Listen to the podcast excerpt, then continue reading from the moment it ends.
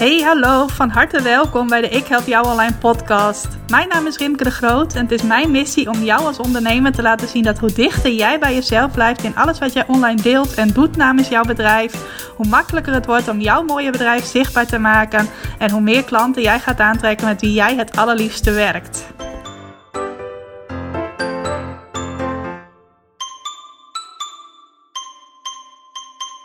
Hey, wat leuk dat je weer luistert naar deze gloednieuwe aflevering van de Ik Help Jou Online podcast. Ik ben weer lekker opgeladen, want ik was de afgelopen vier dagen vrij in het lange hemelvaartweekend. En onder andere even een dagje naar Vlieland geweest, waar mijn ouders een tenthuisje hebben op de camping. Even wat frisse zeelucht opsnuiven, weer even bijpraten. En dat heeft me heel erg goed gedaan. En het leuke was, terwijl ik daar was op Vlieland, of eigenlijk al voordat ik er naartoe ging, bedacht ik ineens een heel gaaf idee. Iets met een ondernemersweekend op Vlieland voor een klein groepje ondernemers die dat ook leuk lijkt. En het grappige was, toen ik zaterdag op Vlieland was en ik deelde daar een aantal dingetjes van in mijn Instagram stories, kreeg ik een privéberichtje van een van mijn klanten van hey, zou het niet leuk zijn om een keer een ondernemersweekend op Vlieland te organiseren? En dat vond ik zo toevallig en zo grappig, omdat ik dus net zelf ook met datzelfde idee in mijn hoofd zat. Dus ik denk dat dat een voorteken is dat dat weekend er gewoon moet komen. Nou, dan loop ik nu wel een beetje op de zaken vooruit, want ik heb nog niet eens een aanmeldpagina of een uitgewerkt plan daarvoor. Maar dat gaat er nog wel aankomen. Dus als jij zegt van hé, hey, dat lijkt me misschien wel wat, hou dan zeker deze podcast in de gaten. Houd ook mijn social media kanalen en mijn website in de gaten. Dus daarover later zeker meer.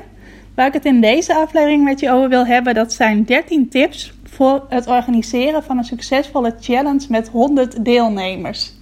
Nou, waarom 100 deelnemers? Omdat ik nu in de afgelopen iets meer dan een half jaar drie keer een challenge heb georganiseerd. En ik had telkens rond de 100 deelnemers. Bij mijn eerste challenge deden iets meer dan 90 mensen mee. Bij de tweede challenge iets meer dan 100. Volgens mij waren het toen 105. En ik heb nu net mijn derde challenge afgerond. En daar deden 113 deelnemers aan mee. Dus ik kan je vertellen hoe jij een succesvolle challenge organiseert met ongeveer 100 deelnemers. Waar dan vervolgens ook klanten uit voortkomen. Ik kon het nog wel uh, catsier maken door over duizend deelnemers te praten. Maar daar heb ik zelf geen ervaring mee. En ik vind het allerleukst om hier mijn eigen praktijkervaringen te delen. Daar heb jij ook het allermeeste aan. Dus vandaar uh, eh, 100 deelnemers. Uh, waarschijnlijk weet je al wat een challenge is. Mocht je dat niet weten, een challenge dat is een gratis training van een afgebakend aantal dagen. En in mijn geval waren dat steeds vijf dagen, uh, waarin jij veel waarde, veel tips, veel inspiratie deelt over een afgebakend onderwerp, zodat jouw deelnemers daar in korte tijd meer over kunnen leren. Nou, ik zei het al, mijn challenges duren altijd vijf dagen. Ik vind het gewoon lekker overzichtelijk. Het begint op maandag, het eindigt op vrijdag. Is voor mensen ook handig, omdat meestal maandag tot en met vrijdag ook de dagen zijn waar jouw werkweek uit bestaat. En er zit dan ook een goede opbouw in. Maandag begin ik altijd een beetje rustig. Uh, dan bouw ik het steeds verder op. Uh, op de donderdag is vaak het, uh, het meest pittige onderwerp. En dan op vrijdag sluit ik het af en dan komen meestal alle stukjes bij elkaar. Nou weet ik dat het niet beslist een vijfdaagse challenge hoeft te zijn. Want ik heb ook wel meegedaan aan challenges die langer duurden. En ook wel aan challenges die korter duurden. Bijvoorbeeld drie of vier dagen. Alleen ik merk zelf dat drie of vier dagen voor mij een beetje te kort is om er echt in te komen. En dat als het tien dagen duurt of veertien dagen, dat het dan uh, te lang is, dat dan mijn aandacht verslapt als ik deelnemer ben. En ik denk ook dat de aandacht bij mijn deelnemers zou verslappen als ik het langer zou maken dan die vijf dagen. Dus vandaar dat ik altijd voor vijf dagen kies. Maar het kan dus ook een langere challenge zijn. Het kan ook een kortere challenge zijn. En je ziet challenges vaak in bepaalde vakgebieden. In de marketing en in de business coaching is het heel populair om challenges te organiseren. Maar het kan eigenlijk in allerlei soorten branches, allerlei soorten bedrijven. En misschien denk jij nu je deze podcast aan het luisteren bent van hey, een challenge dat is niks voor mij of dat past niet bij mijn bedrijf. Ik weet bijna zeker dat jij ook een challenge zou kunnen organiseren als je dat graag wilt. En als je denkt van, hé, hey, ik ben wel benieuwd hoe ik dat dan zou kunnen doen. Je mag mij daar altijd even een berichtje over sturen. Uh, bijvoorbeeld op Instagram, ik help jou online. Daar kun je mij een privéberichtje sturen. Je mag mij ook een berichtje sturen naar mijn Facebookpagina. Die heet ook Ik Help Jou Online. En je mag mij ook altijd mailen op rimke.ikhelpjouonline.nl. Vind ik het heel leuk om met jou te brainstormen hoe jij een challenge kunt organiseren. Als je daar echt uh, serieus oren naar hebt om dat te gaan doen. Nou, ik heb 13 lessen op een rijtje gezet en die heb ik uh, gehaald uit de uh, drie challenges die ik heb georganiseerd. Dat is sowieso nog een bonus tip. Als jij een challenge gaat organiseren, neem dan altijd aan het einde de tijd om te evalueren en om jouw lessen eruit te halen. Want dan kun je je volgende challenge nog weer beter maken, nog weer beter aanpakken en er ook nog weer meer resultaat uit halen. Dus sowieso neem ik aan het einde van een challenge altijd de tijd om daar uh, mijn lessen uit te halen, een evaluatie van te doen. En zodoende kon ik ook 13 tips voor jou op een rijtje zetten, zodat jij ook een succesvolle challenge kunt organiseren. Nou, de eerste tip, dat is een enorme open deur misschien. Maar ik wil hem toch met je delen. Dat is begin op tijd met de voorbereiding.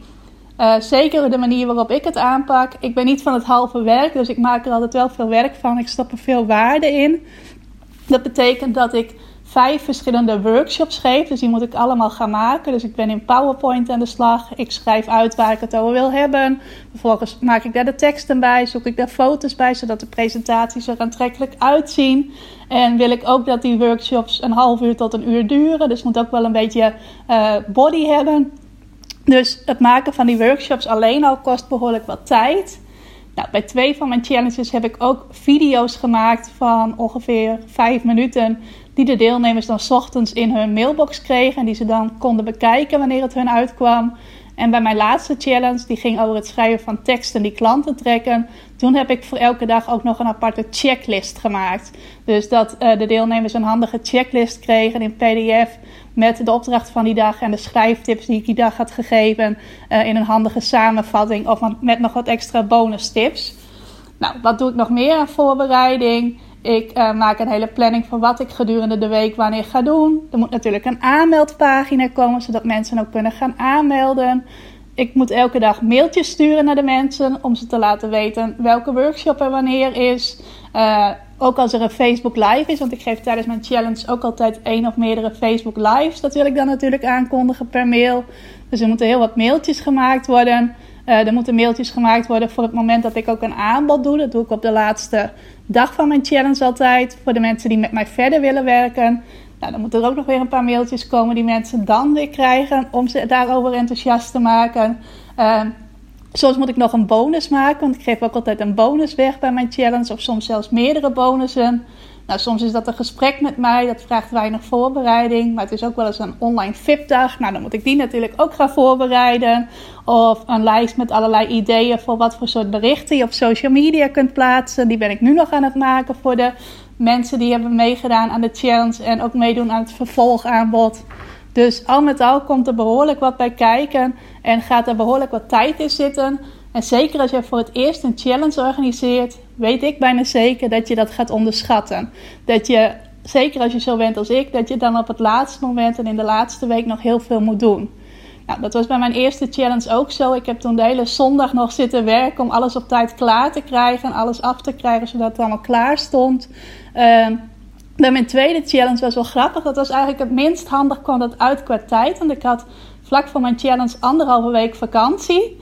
Maar toch had ik bij die challenge alles helemaal klaarstaan voordat het begon. Dus ik had alle workshops klaar, alle mailtjes klaar, alles eromheen klaar. De video's waren op tijd klaar. Terwijl ik eigenlijk maar twee werkdagen echt had voordat die challenge begon. Omdat ik daarvoor dus anderhalve week vakantie had. Nou, bij de challenge die nu net afgerond is, is het mij weer wat minder goed gelukt om alles op tijd klaar te krijgen. Heb ik ook in de loop van de week nog wat dingetjes gedaan, uh, omdat ik dus niet goed gepland had. Dus begin op tijd met de voorbereiding. En wat, uh, wat mij betreft ideaal is, dat is om vijf weken van tevoren echt te beginnen. Ik vergeet nu trouwens nog te noemen dat je ook een hele promotiecampagne natuurlijk moet opzetten. Om te zorgen dat mensen enthousiast worden om mee te doen. Dat ze zich gaan aanmelden. Daar komt ook nog de nodige voorbereiding bij kijken. Dus neem dat allemaal mee. Schrijf uit wat je allemaal moet doen. Deel dat ook per week in.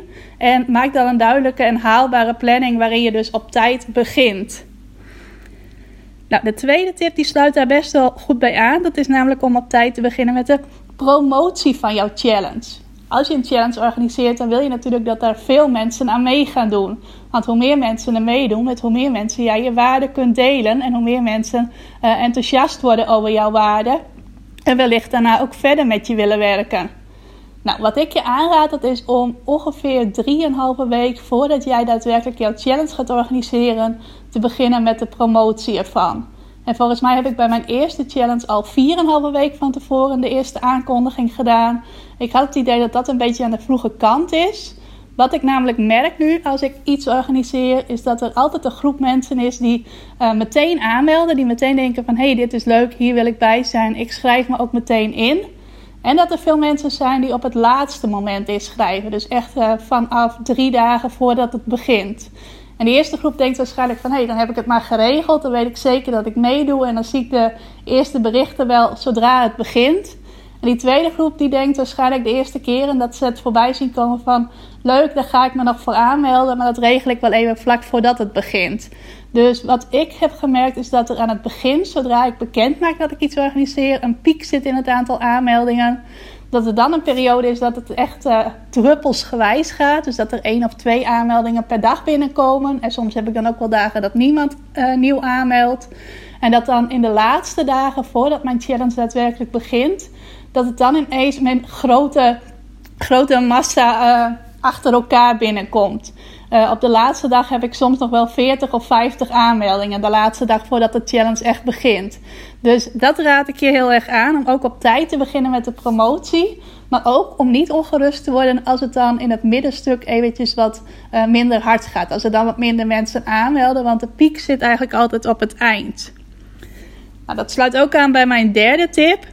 Blijf tot het allerlaatste moment jouw challenge onder de aandacht brengen. Dus denk niet als er uh, op de zaterdag bijvoorbeeld, voordat jij je challenge start en je challenge start op maandag, dat je denkt van oké, ik heb nu nog maar uh, eh, 20 of 30 deelnemers. Van oh, mensen zullen wel niet geïnteresseerd zijn, er zal wel iets mis zijn met het onderwerp of uh, allerlei redenen gaan verzinnen waarom er nog niet zoveel mensen hebben aangemeld. Ga in plaats daarvan kijken, hé, hey, wat kan ik nu nog doen om zoveel mogelijk mensen enthousiast te maken?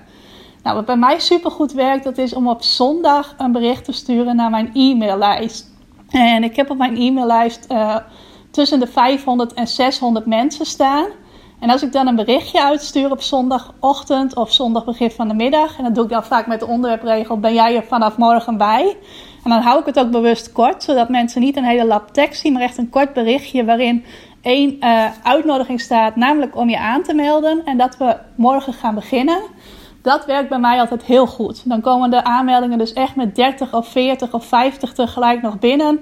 En soms heb ik dus nog uh, meer dan een verdubbeling van het aantal aanmeldingen puur op die laatste dag. Dus dat kan ik je echt aanraden als jij een e-maillijst hebt opgebouwd en er staan ook nog wel redelijk wat mensen op. Uh, maar ook als er minder mensen op staan, stuur altijd de dag van tevoren nog een mailtje uit over jouw challenge en dat mensen zich nu nog kunnen aanmelden.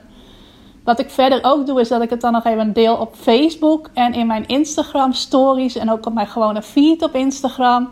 Uh, soms doe ik daar ook nog een kleine promotie bij. Dus bijvoorbeeld voor 10 euro nog even promoten uh, op die laatste dag. Zodat uh, mijn fans op Facebook en mijn fans op Instagram dan ook nog zien dat het gaat beginnen. En wat ik je ook aanraad is om het te blijven promoten nadat je al begonnen bent. Dus laat zien hoe enthousiast de deelnemers op de eerste dag al aan de slag zijn. Vertel daar iets over, bijvoorbeeld in je Instagram story of in een Facebook bericht of een Facebook video. Blijf mensen dan ook enthousiast maken. Want ik heb bij al mijn drie challenges gemerkt dat ook nadat het al begonnen was, nog mensen gingen inschrijven. Nou, bij mijn eerste twee challenges was het zo dat ik er een Facebookgroep bij had die al bestond. Dus de mensen die meededen, die konden hun opdrachten delen, hun vragen stellen en dergelijke in een Facebookgroep die al bestond. En waar toen rond de 700 of 800 ondernemers lid van waren. Dus op het moment dat mijn challenge begon en die groepsleden die er ook aan meededen dingen begonnen te vragen en te delen, waren er ook andere mensen in mijn Facebookgroep die zagen van hé, hey, dit is leuk, dit heb ik gemist, ik wil hier eigenlijk ook nog aan meedoen. Dus die gingen zich dan ook nog inschrijven. Nou heb ik mijn Facebookgroep gesloten in de loop van januari. Dus uh, nu had ik een speciale Facebookgroep aangemaakt alleen maar voor de deelnemers van de challenge uh, in mei. Uh, maar toch merkte ik ook dat er weer nieuwe deelnemers bij kwamen nadat de challenge was begonnen. Dus waarschijnlijk is de vorige keren niet zo geweest dat het alleen maar voortkwam uit die Facebookgroep. En doordat mensen zagen dat de challenge bezig was. Maar dat ze het ook op andere manieren hebben gezien of hebben meegekregen. Ik heb bijvoorbeeld ook wel eens meegemaakt dat ik in een Facebookgroep waar ik lid van was. Uh, een berichtje deelde dat er toen uh, gevraagd werd van... Hey, welke link heb jij op dit moment in je bio staan op Instagram? En toen deelde ik de link naar mijn challenge die op dat moment gaande was. En kwamen er dus vanuit die Facebookgroep weer mensen die zich gingen aanmelden voor mijn challenge. En zelfs iemand die van daaruit uh, later klant bij mij is geworden. Dus uh, dat was echt iemand die het pas op de woensdag zag, terwijl de challenge op maandag begonnen is, als ik het goed heb. Uh, en die is uiteindelijk nog klant bij mij geworden. Dus blijf het vooral onder de aandacht brengen. Zoek ook naar onverwachte plekken om dat te kunnen doen. Bijvoorbeeld in Facebookgroepen. Of laat jouw deelnemers vertellen hoe enthousiast ze zijn over jouw challenge, zodat jij dat weer kunt delen in jouw netwerk. En dat werkt heel goed om ook dus nadat het al begonnen is, nog nieuwe deelnemers te krijgen. Ik denk dat ik nu ook weer uh, rond de 15 deelnemers nog gekregen heb toen ik al begonnen was met mijn challenge van afgelopen mei. Dus een aanrader om het tot het laatste moment en zelfs daarna nog te blijven promoten. Kom ik bij mijn vierde tip en dat is om te zorgen voor beleving en interactie rond jouw challenge. Je kunt ook bijvoorbeeld een videotraining houden en dat iedere deelnemer voor zichzelf die video's kan bekijken en daar voor zichzelf mee aan de slag kan gaan of met een opdracht aan de slag kan gaan. Alleen haal jij en ook jouw deelnemers dan niet het maximale resultaat uit de challenge. Dus kijk hoe jij interactie kunt toevoegen en beleving. Nou, ik doe dat bijvoorbeeld met live workshops. Als ik een challenge organiseer, dan geef ik elke ochtend om 10 uur een live workshop. Daar kunnen de mensen dus ook live bij aanwezig zijn. Nou, meestal is het ongeveer 15 tot 20 procent van de deelnemers die daar ook echt bij zijn. Uh, zal ook niet voor iedereen haalbaar zijn omdat het in de ochtend is. En sommige mensen hebben dan ook andere plannen natuurlijk. Uh, maar ik merk wel dat het heel goed werkt en dat je dan ook meteen direct contact hebt. Uh, dat er ook gelegenheid dat altijd is om vragen te stellen. Ik had nu ook één workshop die was heel interactief. Daar konden ze direct ook reageren op de vragen die ik stelde. En ik merk dat deelnemers dat heel erg leuk vinden. Nou, een andere manier om interactie uh, toe te voegen en beleving toe te voegen aan jouw challenge, dat is het organiseren van een vragenuurtje. Dus dat jouw deelnemers jou op een bepaald moment gedurende jouw challenge vragen kunnen stellen. Dat jij daar dan bijvoorbeeld live antwoord op geeft. Uh, in een Facebook live of in een Instagram live of hoe je dat maar wilt aanpakken. Uh, sowieso is het ook een aanrader om een Facebookgroep toe te voegen aan je challenge, zodat de deelnemers daar actief kunnen worden. Dat ze daar de opdrachten kunnen delen. Dat ze ook bij elkaar dus zien van hey, hoe werk jij het uit en hoe werk ik het uit. Uh, op elkaar kunnen reageren, elkaar kunnen stimuleren. Uh, en dat je daar bijvoorbeeld ook gelegenheid hebt om vragen te beantwoorden. Dat werkt ook heel goed. Dan hebben de deelnemers niet alleen contact met jou, maar ook met elkaar. En dat motiveert heel erg om het maximale uit de challenge te halen. Dus dat is zeker een aanrader. Je kunt ook kiezen voor een besloten Instagram-account bij je challenge. Alleen voor mijn gevoel is dan de interactie en het groepsgevoel wat minder dan wanneer je een Facebookgroep creëert. Dus ik zou je aanraden om sowieso een Facebookgroep toe te voegen. En wat ik zelf dus doe is elke dag een live workshop en twee keer per week ook een Facebook live. Bij mijn allereerste challenge gaf ik elke avond een Facebook live, dus vijf in totaal. Maar ik merkte dat dat een beetje te intensief was. Zeker voor mij, maar misschien ook wel voor de deelnemers. En wat ik ook merkte bij de evaluatie van mijn eerste challenge is dat mensen die bij de live workshops aanwezig zijn, dus die echt voor die inhoud komen, voor de waardevolle inhoud, dat die ook uh, meer geïnteresseerd zijn om ook een vervolgstap met jou te zetten. Dus dat uh, mensen die uiteindelijk klant worden, dat dat vaak mensen zijn die ook de moeite nemen om bij de live workshop aanwezig te zijn. één of meerdere keren in de week. En dat de mensen die bij de Facebook Lives aanwezig zijn, en nu ben ik misschien een beetje aan het generaliseren hoor, maar uh, dat dat vaak mensen zijn die meer voor het gezellige groepsgevoel komen. En die dat heel erg leuk vinden om echt met een groep iets te doen een week lang. Maar die daarna gewoon weer verder gaan met uh, hun alledaagse dingen. En minder geïnteresseerd zijn om ook vervolgstappen te zetten. En om iets echt goed in te gaan zetten binnen hun bedrijf.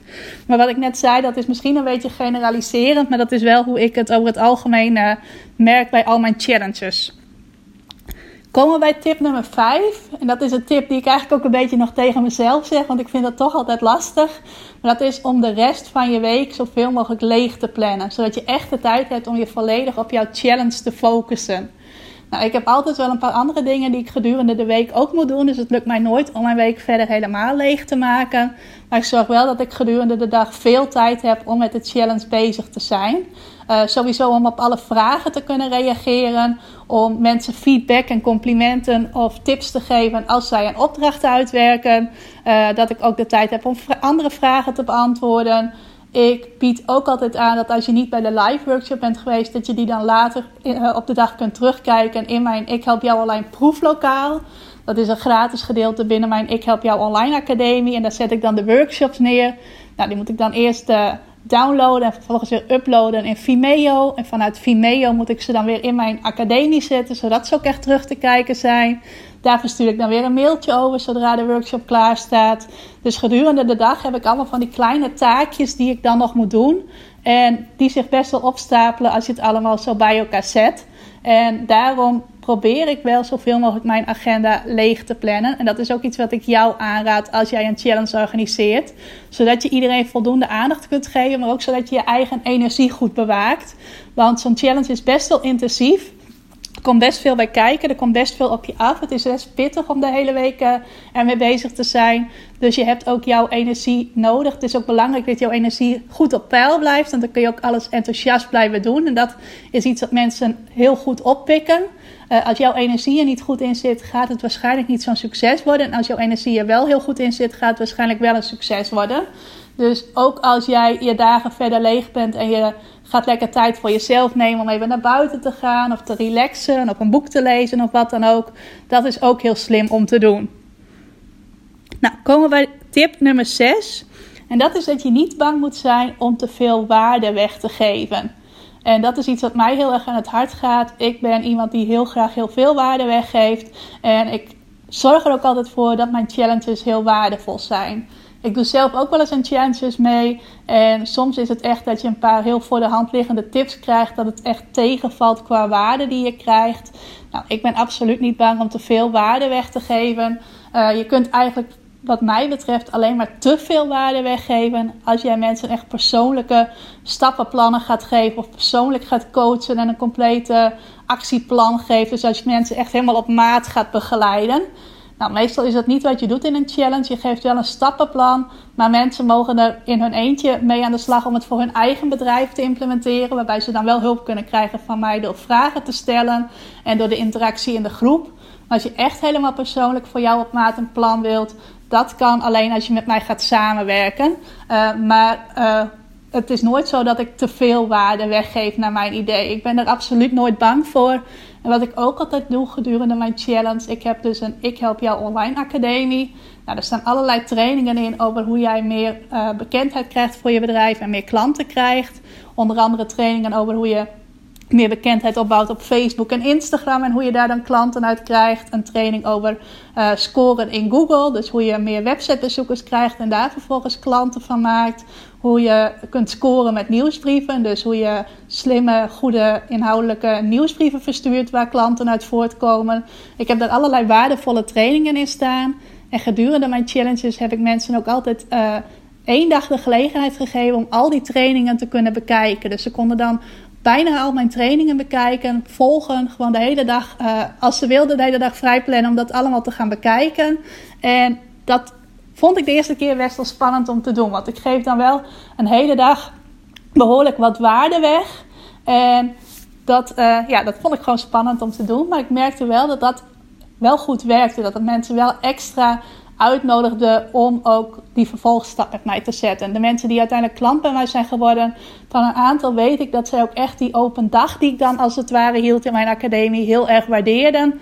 Uh, en dat dat ook het extra setje was voor hen om klant te worden. Dat ze ook zeiden van nou, ik heb op die dag zoveel waarde van jou gekregen. Uh, ik wil heel graag een jaar lang met jou werken. Dus uh, wees nooit bang om te veel waarde weg te geven, want mensen waarderen dat juist. Ik vond het ook heel mooi bij mijn tweede challenge. Toen zei ook iemand van, hey, dit is eigenlijk de eerste challenge die ik volg, die ook echt waarde bevat, waar ik ook echt iets van opsteek. Nou, dat vond ik heel mooi om te horen, want uh, dat is een compliment dat ik heel graag krijg. Maar kortom, ik wil aan jou meegeven: wees nooit bang dat je te veel waarde weggeeft. Tenzij je mensen helemaal in hun persoonlijke situatie gaat coachen en al een compleet actieplan geeft. Want dan hebben ze geen reden meer om met jou te gaan werken. Maar zolang je dat niet doet, kun je nooit te veel weggeven. Ik, moet even snel een slokje water drinken voordat ik weer verder ga praten. En dan ga ik door naar tip nummer 7. En dat is om mensen te vragen om jouw challenge te delen. En om daar eventueel dan ook nog een leuke prijs aan te koppelen. Nou, bij mijn eerste challenge heb ik dat gedaan. Uh, toen had ik het gecombineerd met iets anders. Ik had namelijk gezegd dat als je mijn challenge zou delen in jouw netwerk, dus bijvoorbeeld een bericht zou gaan delen op Facebook van hey, Rimke organiseert deze challenge en heb je ook zin om mee te doen. Maar ook als je actief meedeed in de Facebookgroep, dus actief uh, de opdrachten uitvoerde of actief de vragen, uh, vragen ging stellen, uh, dat je dan kans maakte op een vragenuurtje na afloop van de challenge, waarin je mij dan vragen kon stellen. Dat was dan met een groepje van zeven ondernemers. Nou, dat laatste, dat uh, echt actief meedoen, dat had ik gedaan omdat ik de tip kreeg dat mensen dan sneller zouden gaan reageren in de Facebookgroep. Dat had ik van iemand anders geleerd. Van hey, dan komt de interactie makkelijker op gang. Dan gaan mensen sneller reageren. Nou, ik was er al heel snel achter dat in mijn Facebookgroep de mensen absoluut niet terughoudend waren om te reageren. Zodra ik een bericht plaatste dat ze zich mochten voorstellen, dan stroomden de reacties al binnen. En ook bij de opdrachten, die werden ook heel veel gedeeld. Dus ik hoefde geen dingen te gaan doen om uh, die interactie op gang te brengen en te stimuleren. Dat ging eigenlijk wel vanzelf. Maar dat delen van mijn challenge, daar heb ik ook afgelopen challenge weer een prijs aan gekoppeld. Ik heb mensen gevraagd of ze het op hun Facebookpagina wilden delen.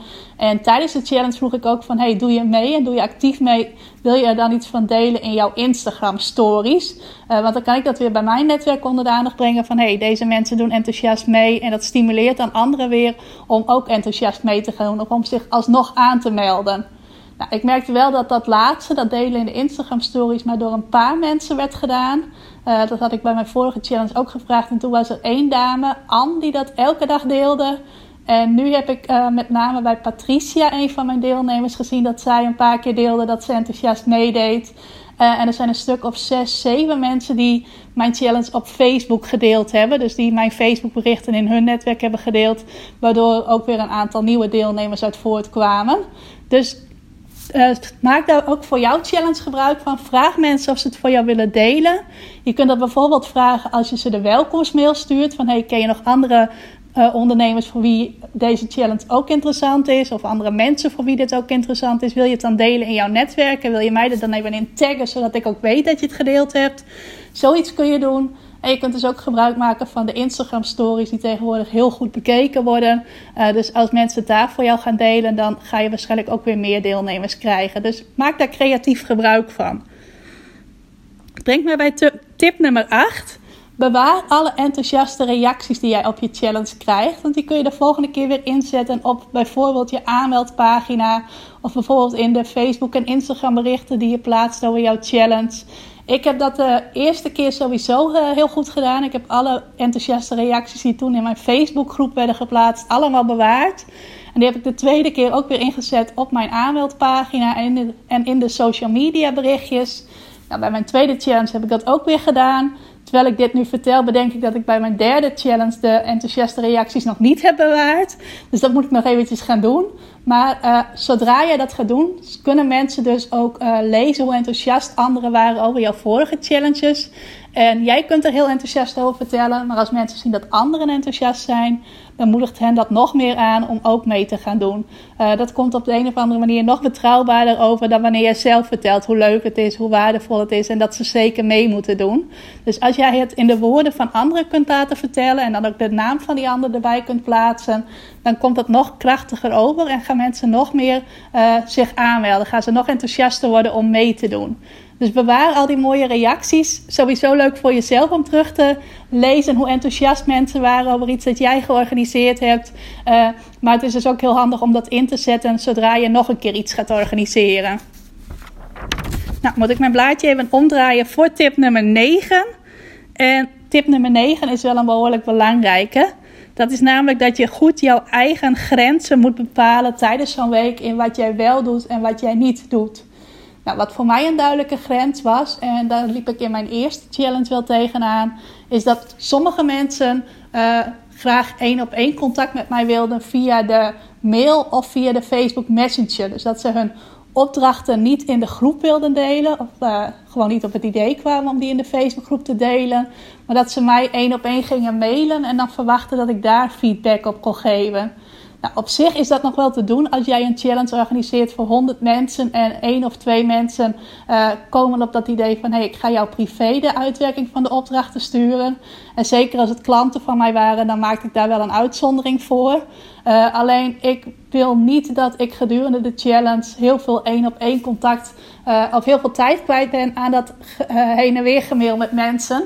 Omdat het ook gewoon simpelweg in de Facebookgroep kan. Ik ben zelf de hele dag zo wat actief in die Facebookgroep om overal op te kunnen reageren. Het werkt ook heel goed dat de deelnemers op elkaar reageren.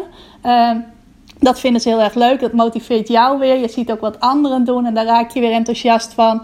Dus dat werkt gewoon heel krachtig. Terwijl het heel veel tijd kost om op allerlei berichten één op één te reageren. En die tijd heb ik gewoon nodig op dat moment om uh, in de groep te kunnen zijn. Om daar aanwezig te kunnen zijn. Om daar iedereen met elkaar te verbinden en enthousiast te maken. Dus voor mij is dat wel een duidelijke grens. En dat heb ik de vorige keer ook wel aangegeven. Van hey, als jij een opdracht wil uitwerken, als je daar iets over wilt delen, doe dat dan in de Facebookgroep en niet in een messengerbericht of in een mailtje naar mij. Want dat is te tijdrovend op zo'n moment. Er gaat al heel veel tijd zitten in zo'n challenge. En als je heel veel ook nog bezig bent in je mailbox of in je messengerbox, uh, dan kost het alleen maar meer tijd. Terwijl je dat eigenlijk gewoon aan de groep als geheel wil besteden. Uh, misschien heb jij wel een heel andere grens die je wilt bewaken tijdens zo'n challenge. Kijk daar eens kritisch naar. Wat werkt wel voor jou, wat werkt niet voor jou? Waar wil jij je grenzen afbakenen en waar heb je geen moeite mee? Nou, wat ik al zei, dat kan voor jou iets heel anders zijn. Maar bij mij is dat met name dat uh, mensen dus één op één feedback verwachten uh, op de opdrachten.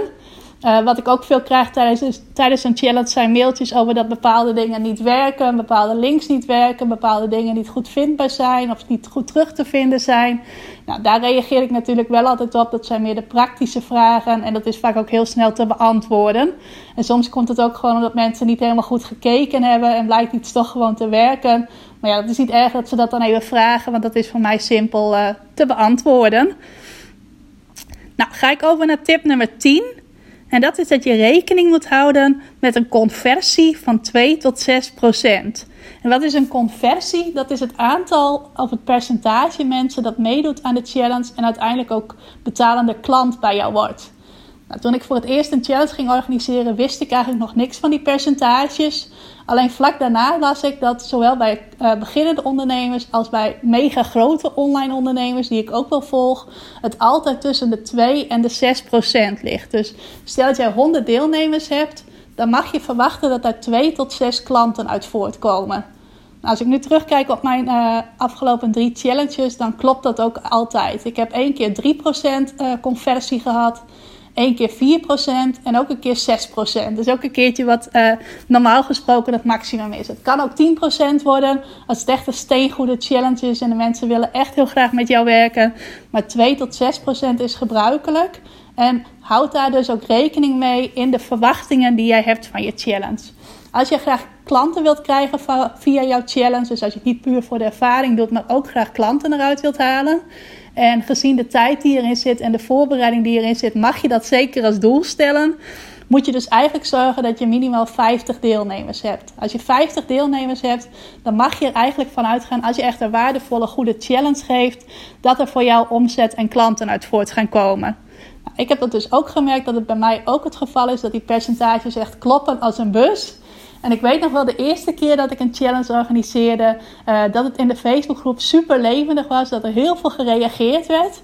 En een van mijn klanten stuurde mij toen ook een berichtje van wauw, wat een enthousiaste reacties. Daar gaan vast een heleboel nieuwe klanten uit voortkomen.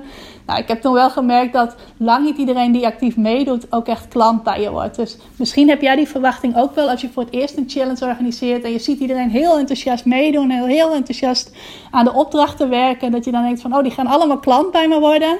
Nou, dat is niet wat er gebeurt. En vaak zijn het ook juist de mensen die wat meer op de achtergrond zijn. Of niet vaak, maar wel uh, in de helft van de gevallen ongeveer. Juist de mensen die wat meer terughoudend of op de achtergrond zijn. En soms ook meer voor zichzelf aan de slag gaan. Die uiteindelijk de stap zetten om klant uh, bij jou te worden. Maar het is wel zo dat als er veel interactie is, als mensen echt enthousiast meedoen, is dat wel een teken dat het een waardevolle en goede challenge is. En dat je wel mag verwachten dat er klanten uit voortkomen. En dat zijn dus lang niet altijd de mensen die het meest actief meedoen. Maar juist mensen die wat meer op de achtergrond meedoen, die kunnen ook klant bij jou worden. Dus ga niet te veel denken van, oh, die doet heel enthousiast mee, die zal ook wel de vervolgstap willen zetten. Zo werkt het lang niet altijd. Uh, maar vaak zijn het wel de mensen die actief meedoen aan jouw workshops. Of die de workshops op een later moment terugkijken. Dus workshops zijn altijd een aanrader om toe te voegen aan jouw challenge. Die uiteindelijk ook die vervolgstap zetten. Wat het belangrijkste is uit deze tip, houd rekening met dat percentage van 2 tot 6 procent. En waar je ook rekening mee moet houden, schiet me nu te binnen, is dat er op een later moment nog klanten voortkomen uit jouw challenge. Ik heb dat zeker bij mijn eerste challenge gemerkt. Uh, toen gaf ik als opvolging daarvan ook nog een aantal webinars, een aantal online workshops, waarin ik een korte samenvatting gaf van het thema waar ik het in mijn challenge over gehad had. En daar kwamen uiteindelijk nog een stuk of drie of vier nieuwe klanten uit voort die dus niet meteen bij de challenge instapten, maar die uh, in de weken daarna alsnog klant bij mij werden en alsnog een jaarlidmaatschap afsloten van mijn Ik Help Jou Online Academie. Dus kijk ook niet alleen naar het resultaat dat je echt in de week van de challenge behaalt, maar weet ook dat er ook daarna nog uh, nieuwe klanten uit voort kunnen komen. En ook nieuwe omzet uit voort kan komen. Dus fixeer je ook niet alleen maar op die ene week en dat je het dan allemaal moet waarmaken. Want het kan dus ook op een later moment gebeuren. Dat mensen denken van hé, hey, ik heb toch heel veel waarde van jou gekregen. Ik was toch heel enthousiast. En nu is dat gevoel weer wat weggeëpt van dat ik in die goede energie zat om echt aan de slag te gaan. Uh, maar ik wil nu toch nog de stap zetten om met jou te werken. Dus bereid je daar ook op voor. Dan tip nummer 11, en daar heb ik zelf nog geen gebruik van gemaakt, maar dat ga ik in het komende jaar wel doen. Dat is herhaal een succesvolle challenge. Uh, als jij een geslaagde challenge hebt gegeven, is het niet zo dat als je weer een challenge wilt geven, dat je dan een heel nieuw onderwerp moet bedenken, uh, weer allerlei nieuw materiaal moet gaan maken aan workshops of aan video's of wat je dan ook maar doet binnen jouw challenge. Je kunt het ook gerust herhalen. En misschien denk je dan van ja, maar iedereen in mijn doelgroep heeft nu al meegedaan. Uh, ik kan niet, uh, nee, ik moet echt met iets nieuws gaan komen de volgende keer. Uh, alleen aan de ene kant is dat helemaal niet zo, want ook de mensen die al eerder hebben meegedaan, gaan waarschijnlijk als ze nog een keer meedoen er toch weer andere dingen uithalen. Gaan er toch weer anders naar kijken. Uh, sowieso omdat ze dan alweer op een ander punt in hun bedrijf zijn. Of ze zitten gewoon anders in hun vel dan de vorige keer dat ze meededen. Uh, of ze kunnen nu aandachtiger meedoen. Ze hebben nu meer tijd om mee te doen. Dus sowieso ook voor de mensen die al mee hebben gedaan, is het een goed idee om het nog een keer te herhalen en om de kennis nog een keer tot zich te nemen. en sowieso heb je ook de eerste keer dat je jouw challenge gaf, nooit iedereen in jouw doelgroep bereikt. Er waren altijd mensen die toen niet konden. Er zijn ook altijd weer nieuwe mensen in jouw netwerk gekomen. Dus je kunt een challenge die je al eerder hebt gedaan, gerust nog een keer herhalen. Nou, ik heb nu afgelopen uh, ruim half jaar drie verschillende challenges gegeven. Uh, maar ik ben wel van plan om die drie challenges, de drie onderwerpen, misschien met een paar kleine aanpassingen, uh, nog een keer te herhalen in het komende jaar. Dus dat ik ze gewoon allemaal nog een keertje ga doen. met misschien een paar kleine twists, een paar kleine veranderingen, maar wel grotendeels hetzelfde. Zodat de mensen die al eerder hebben meegedaan er weer vanuit een nieuw perspectief naar kunnen kijken en er weer nieuwe dingen uit kunnen halen. En er ook nieuwe mensen mee kunnen doen die afgelopen keer niet mee hebben kunnen doen, of die mij toen simpelweg nog helemaal niet kenden. Dus dat is iets wat ik van plan ben om te gaan doen. Om mijn challenges die ik nu gedaan heb en waarvoor ik ook heel veel materiaal heb liggen, om die gewoon allemaal nog een keer te gaan doen. Dan tip nummer 12. Dat is om te kijken of Facebook adverteren voor jou van toegevoegde waarde is. Of dat zinvol voor jou is.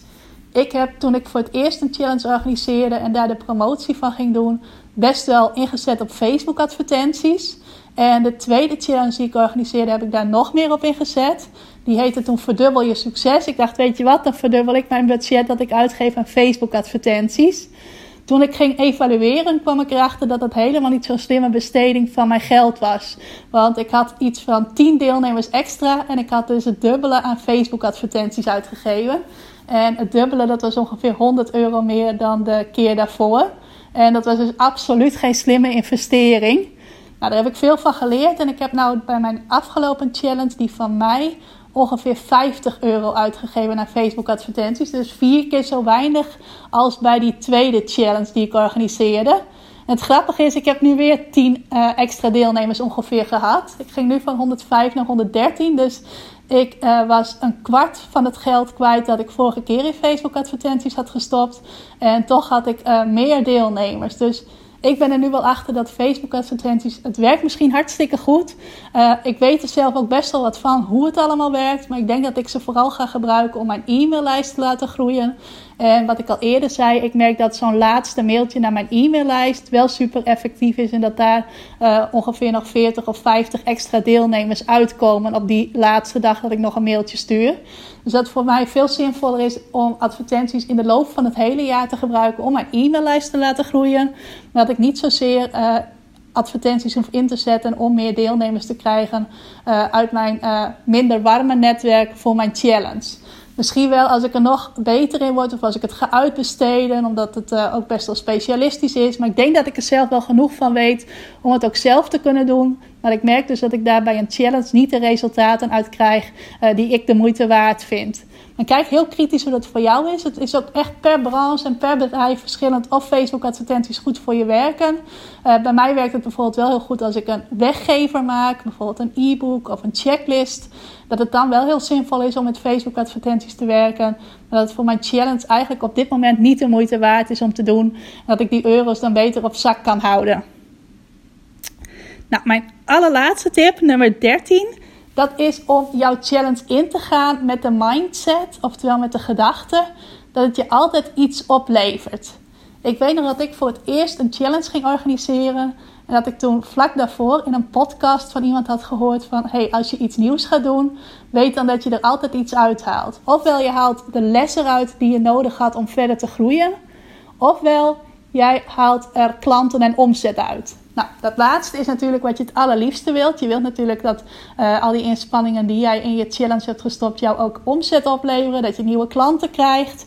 Maar als dat niet gebeurt, dan heb je in elk geval een les gekregen. Je hebt namelijk praktijkervaring opgedaan. En door praktijkervaring op te doen, kun je leren en kun je verder groeien. Zolang jij helemaal niks doet, zolang jij maar een beetje aan het lummelen bent of alles voor je uit aan het schuiven bent, om wat voor reden dan ook, leer je niks. Je doet niks, dus je leert niks, dus je kunt ook nergens beter in worden. Als jij wel een challenge organiseert en je krijgt er geen klanten uit, wees dan absoluut niet boos op jezelf of wat dan ook. Probeer dan ook om niet teleurgesteld te zijn, maar probeer te kijken en misschien niet meteen de dag nadat je challenge is afgelopen, uh, maar een paar dagen later. Probeer dan te kijken, hé, hey, wat kan ik hier nu uit leren? Wat ging er goed? Wat ging er minder goed? Wat kan nog beter? Wat kan ik de volgende keer anders doen? Zodat ik dan de volgende keer dat ik een challenge geef er wel klanten en omzet uit ga halen. Nou, dat punt kun je nooit bereiken als je helemaal niks doet. Dus sowieso, als jij een challenge gaat organiseren, wees absoluut trots op jezelf dat je iets aan het doen bent. En iets aan het doen bent wat jou ofwel meteen, ofwel op een later moment klanten en omzet gaat opleveren. Dus dat was de allerlaatste tip die ik je nog heel graag mee wilde geven. Nou, dat zijn ze alle 13. Uh, als je denkt van, hey, kun je die ook alle 13 handig op een rijtje vinden? Ja. Ik ga nog even een lijstje van maken die ik in mijn Ik Help Jou online proeflokaal ga plaatsen. En in de outro kun je horen hoe je je daarvoor kunt aanmelden. Dat kan op ikhelpjouonline.nl slash gratis. Daar ga ik al deze 13 tips uh, op een rijtje zetten. Nou, ik ben heel benieuwd of jij een challenge gaat organiseren. Zo ja, laat het even weten door mij bijvoorbeeld uh, te taggen op uh, Instagram. In je Instagram stories kan ik dat weer delen in mijn netwerk. Je mag mij daar ook een berichtje sturen. Mag je dus ook doen op Facebook via mijn Ik Help Jou Online Facebook pagina. En als jij denkt van hé, hey, ik heb nog geen concreet plan voor een challenge, maar het lijkt me wel iets om dat voor mijn bedrijf in te gaan zetten. Stuur me dan ook even een berichtje, want ik vind het super leuk om dan met je uh, mee te denken, mee te brainstormen. Nou, bedankt voor het luisteren en ik wens je nog een hele fijne dag.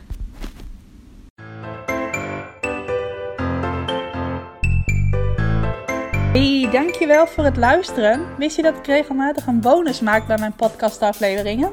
Dat kan een samenvatting zijn van de tips die ik in de podcast heb gegeven. Het kan een handige checklist zijn, of een video, of nog iets anders. Al die bonussen vind je overzichtelijk bij elkaar in mijn Ik Help Jou Online proeflokaal. Is een onderdeel van mijn Ik Help Jou Online Academie. En voor het proeflokaal kun je gratis account aanvragen Ga ervoor even naar ikhelpjouonline.nl slash gratis. Wijst het zich vanaf daar als het goed is vanzelf. En kun je al die bonussen gaan bekijken en zo nog meer waarde halen uit dat wat je in deze podcast gehoord hebt.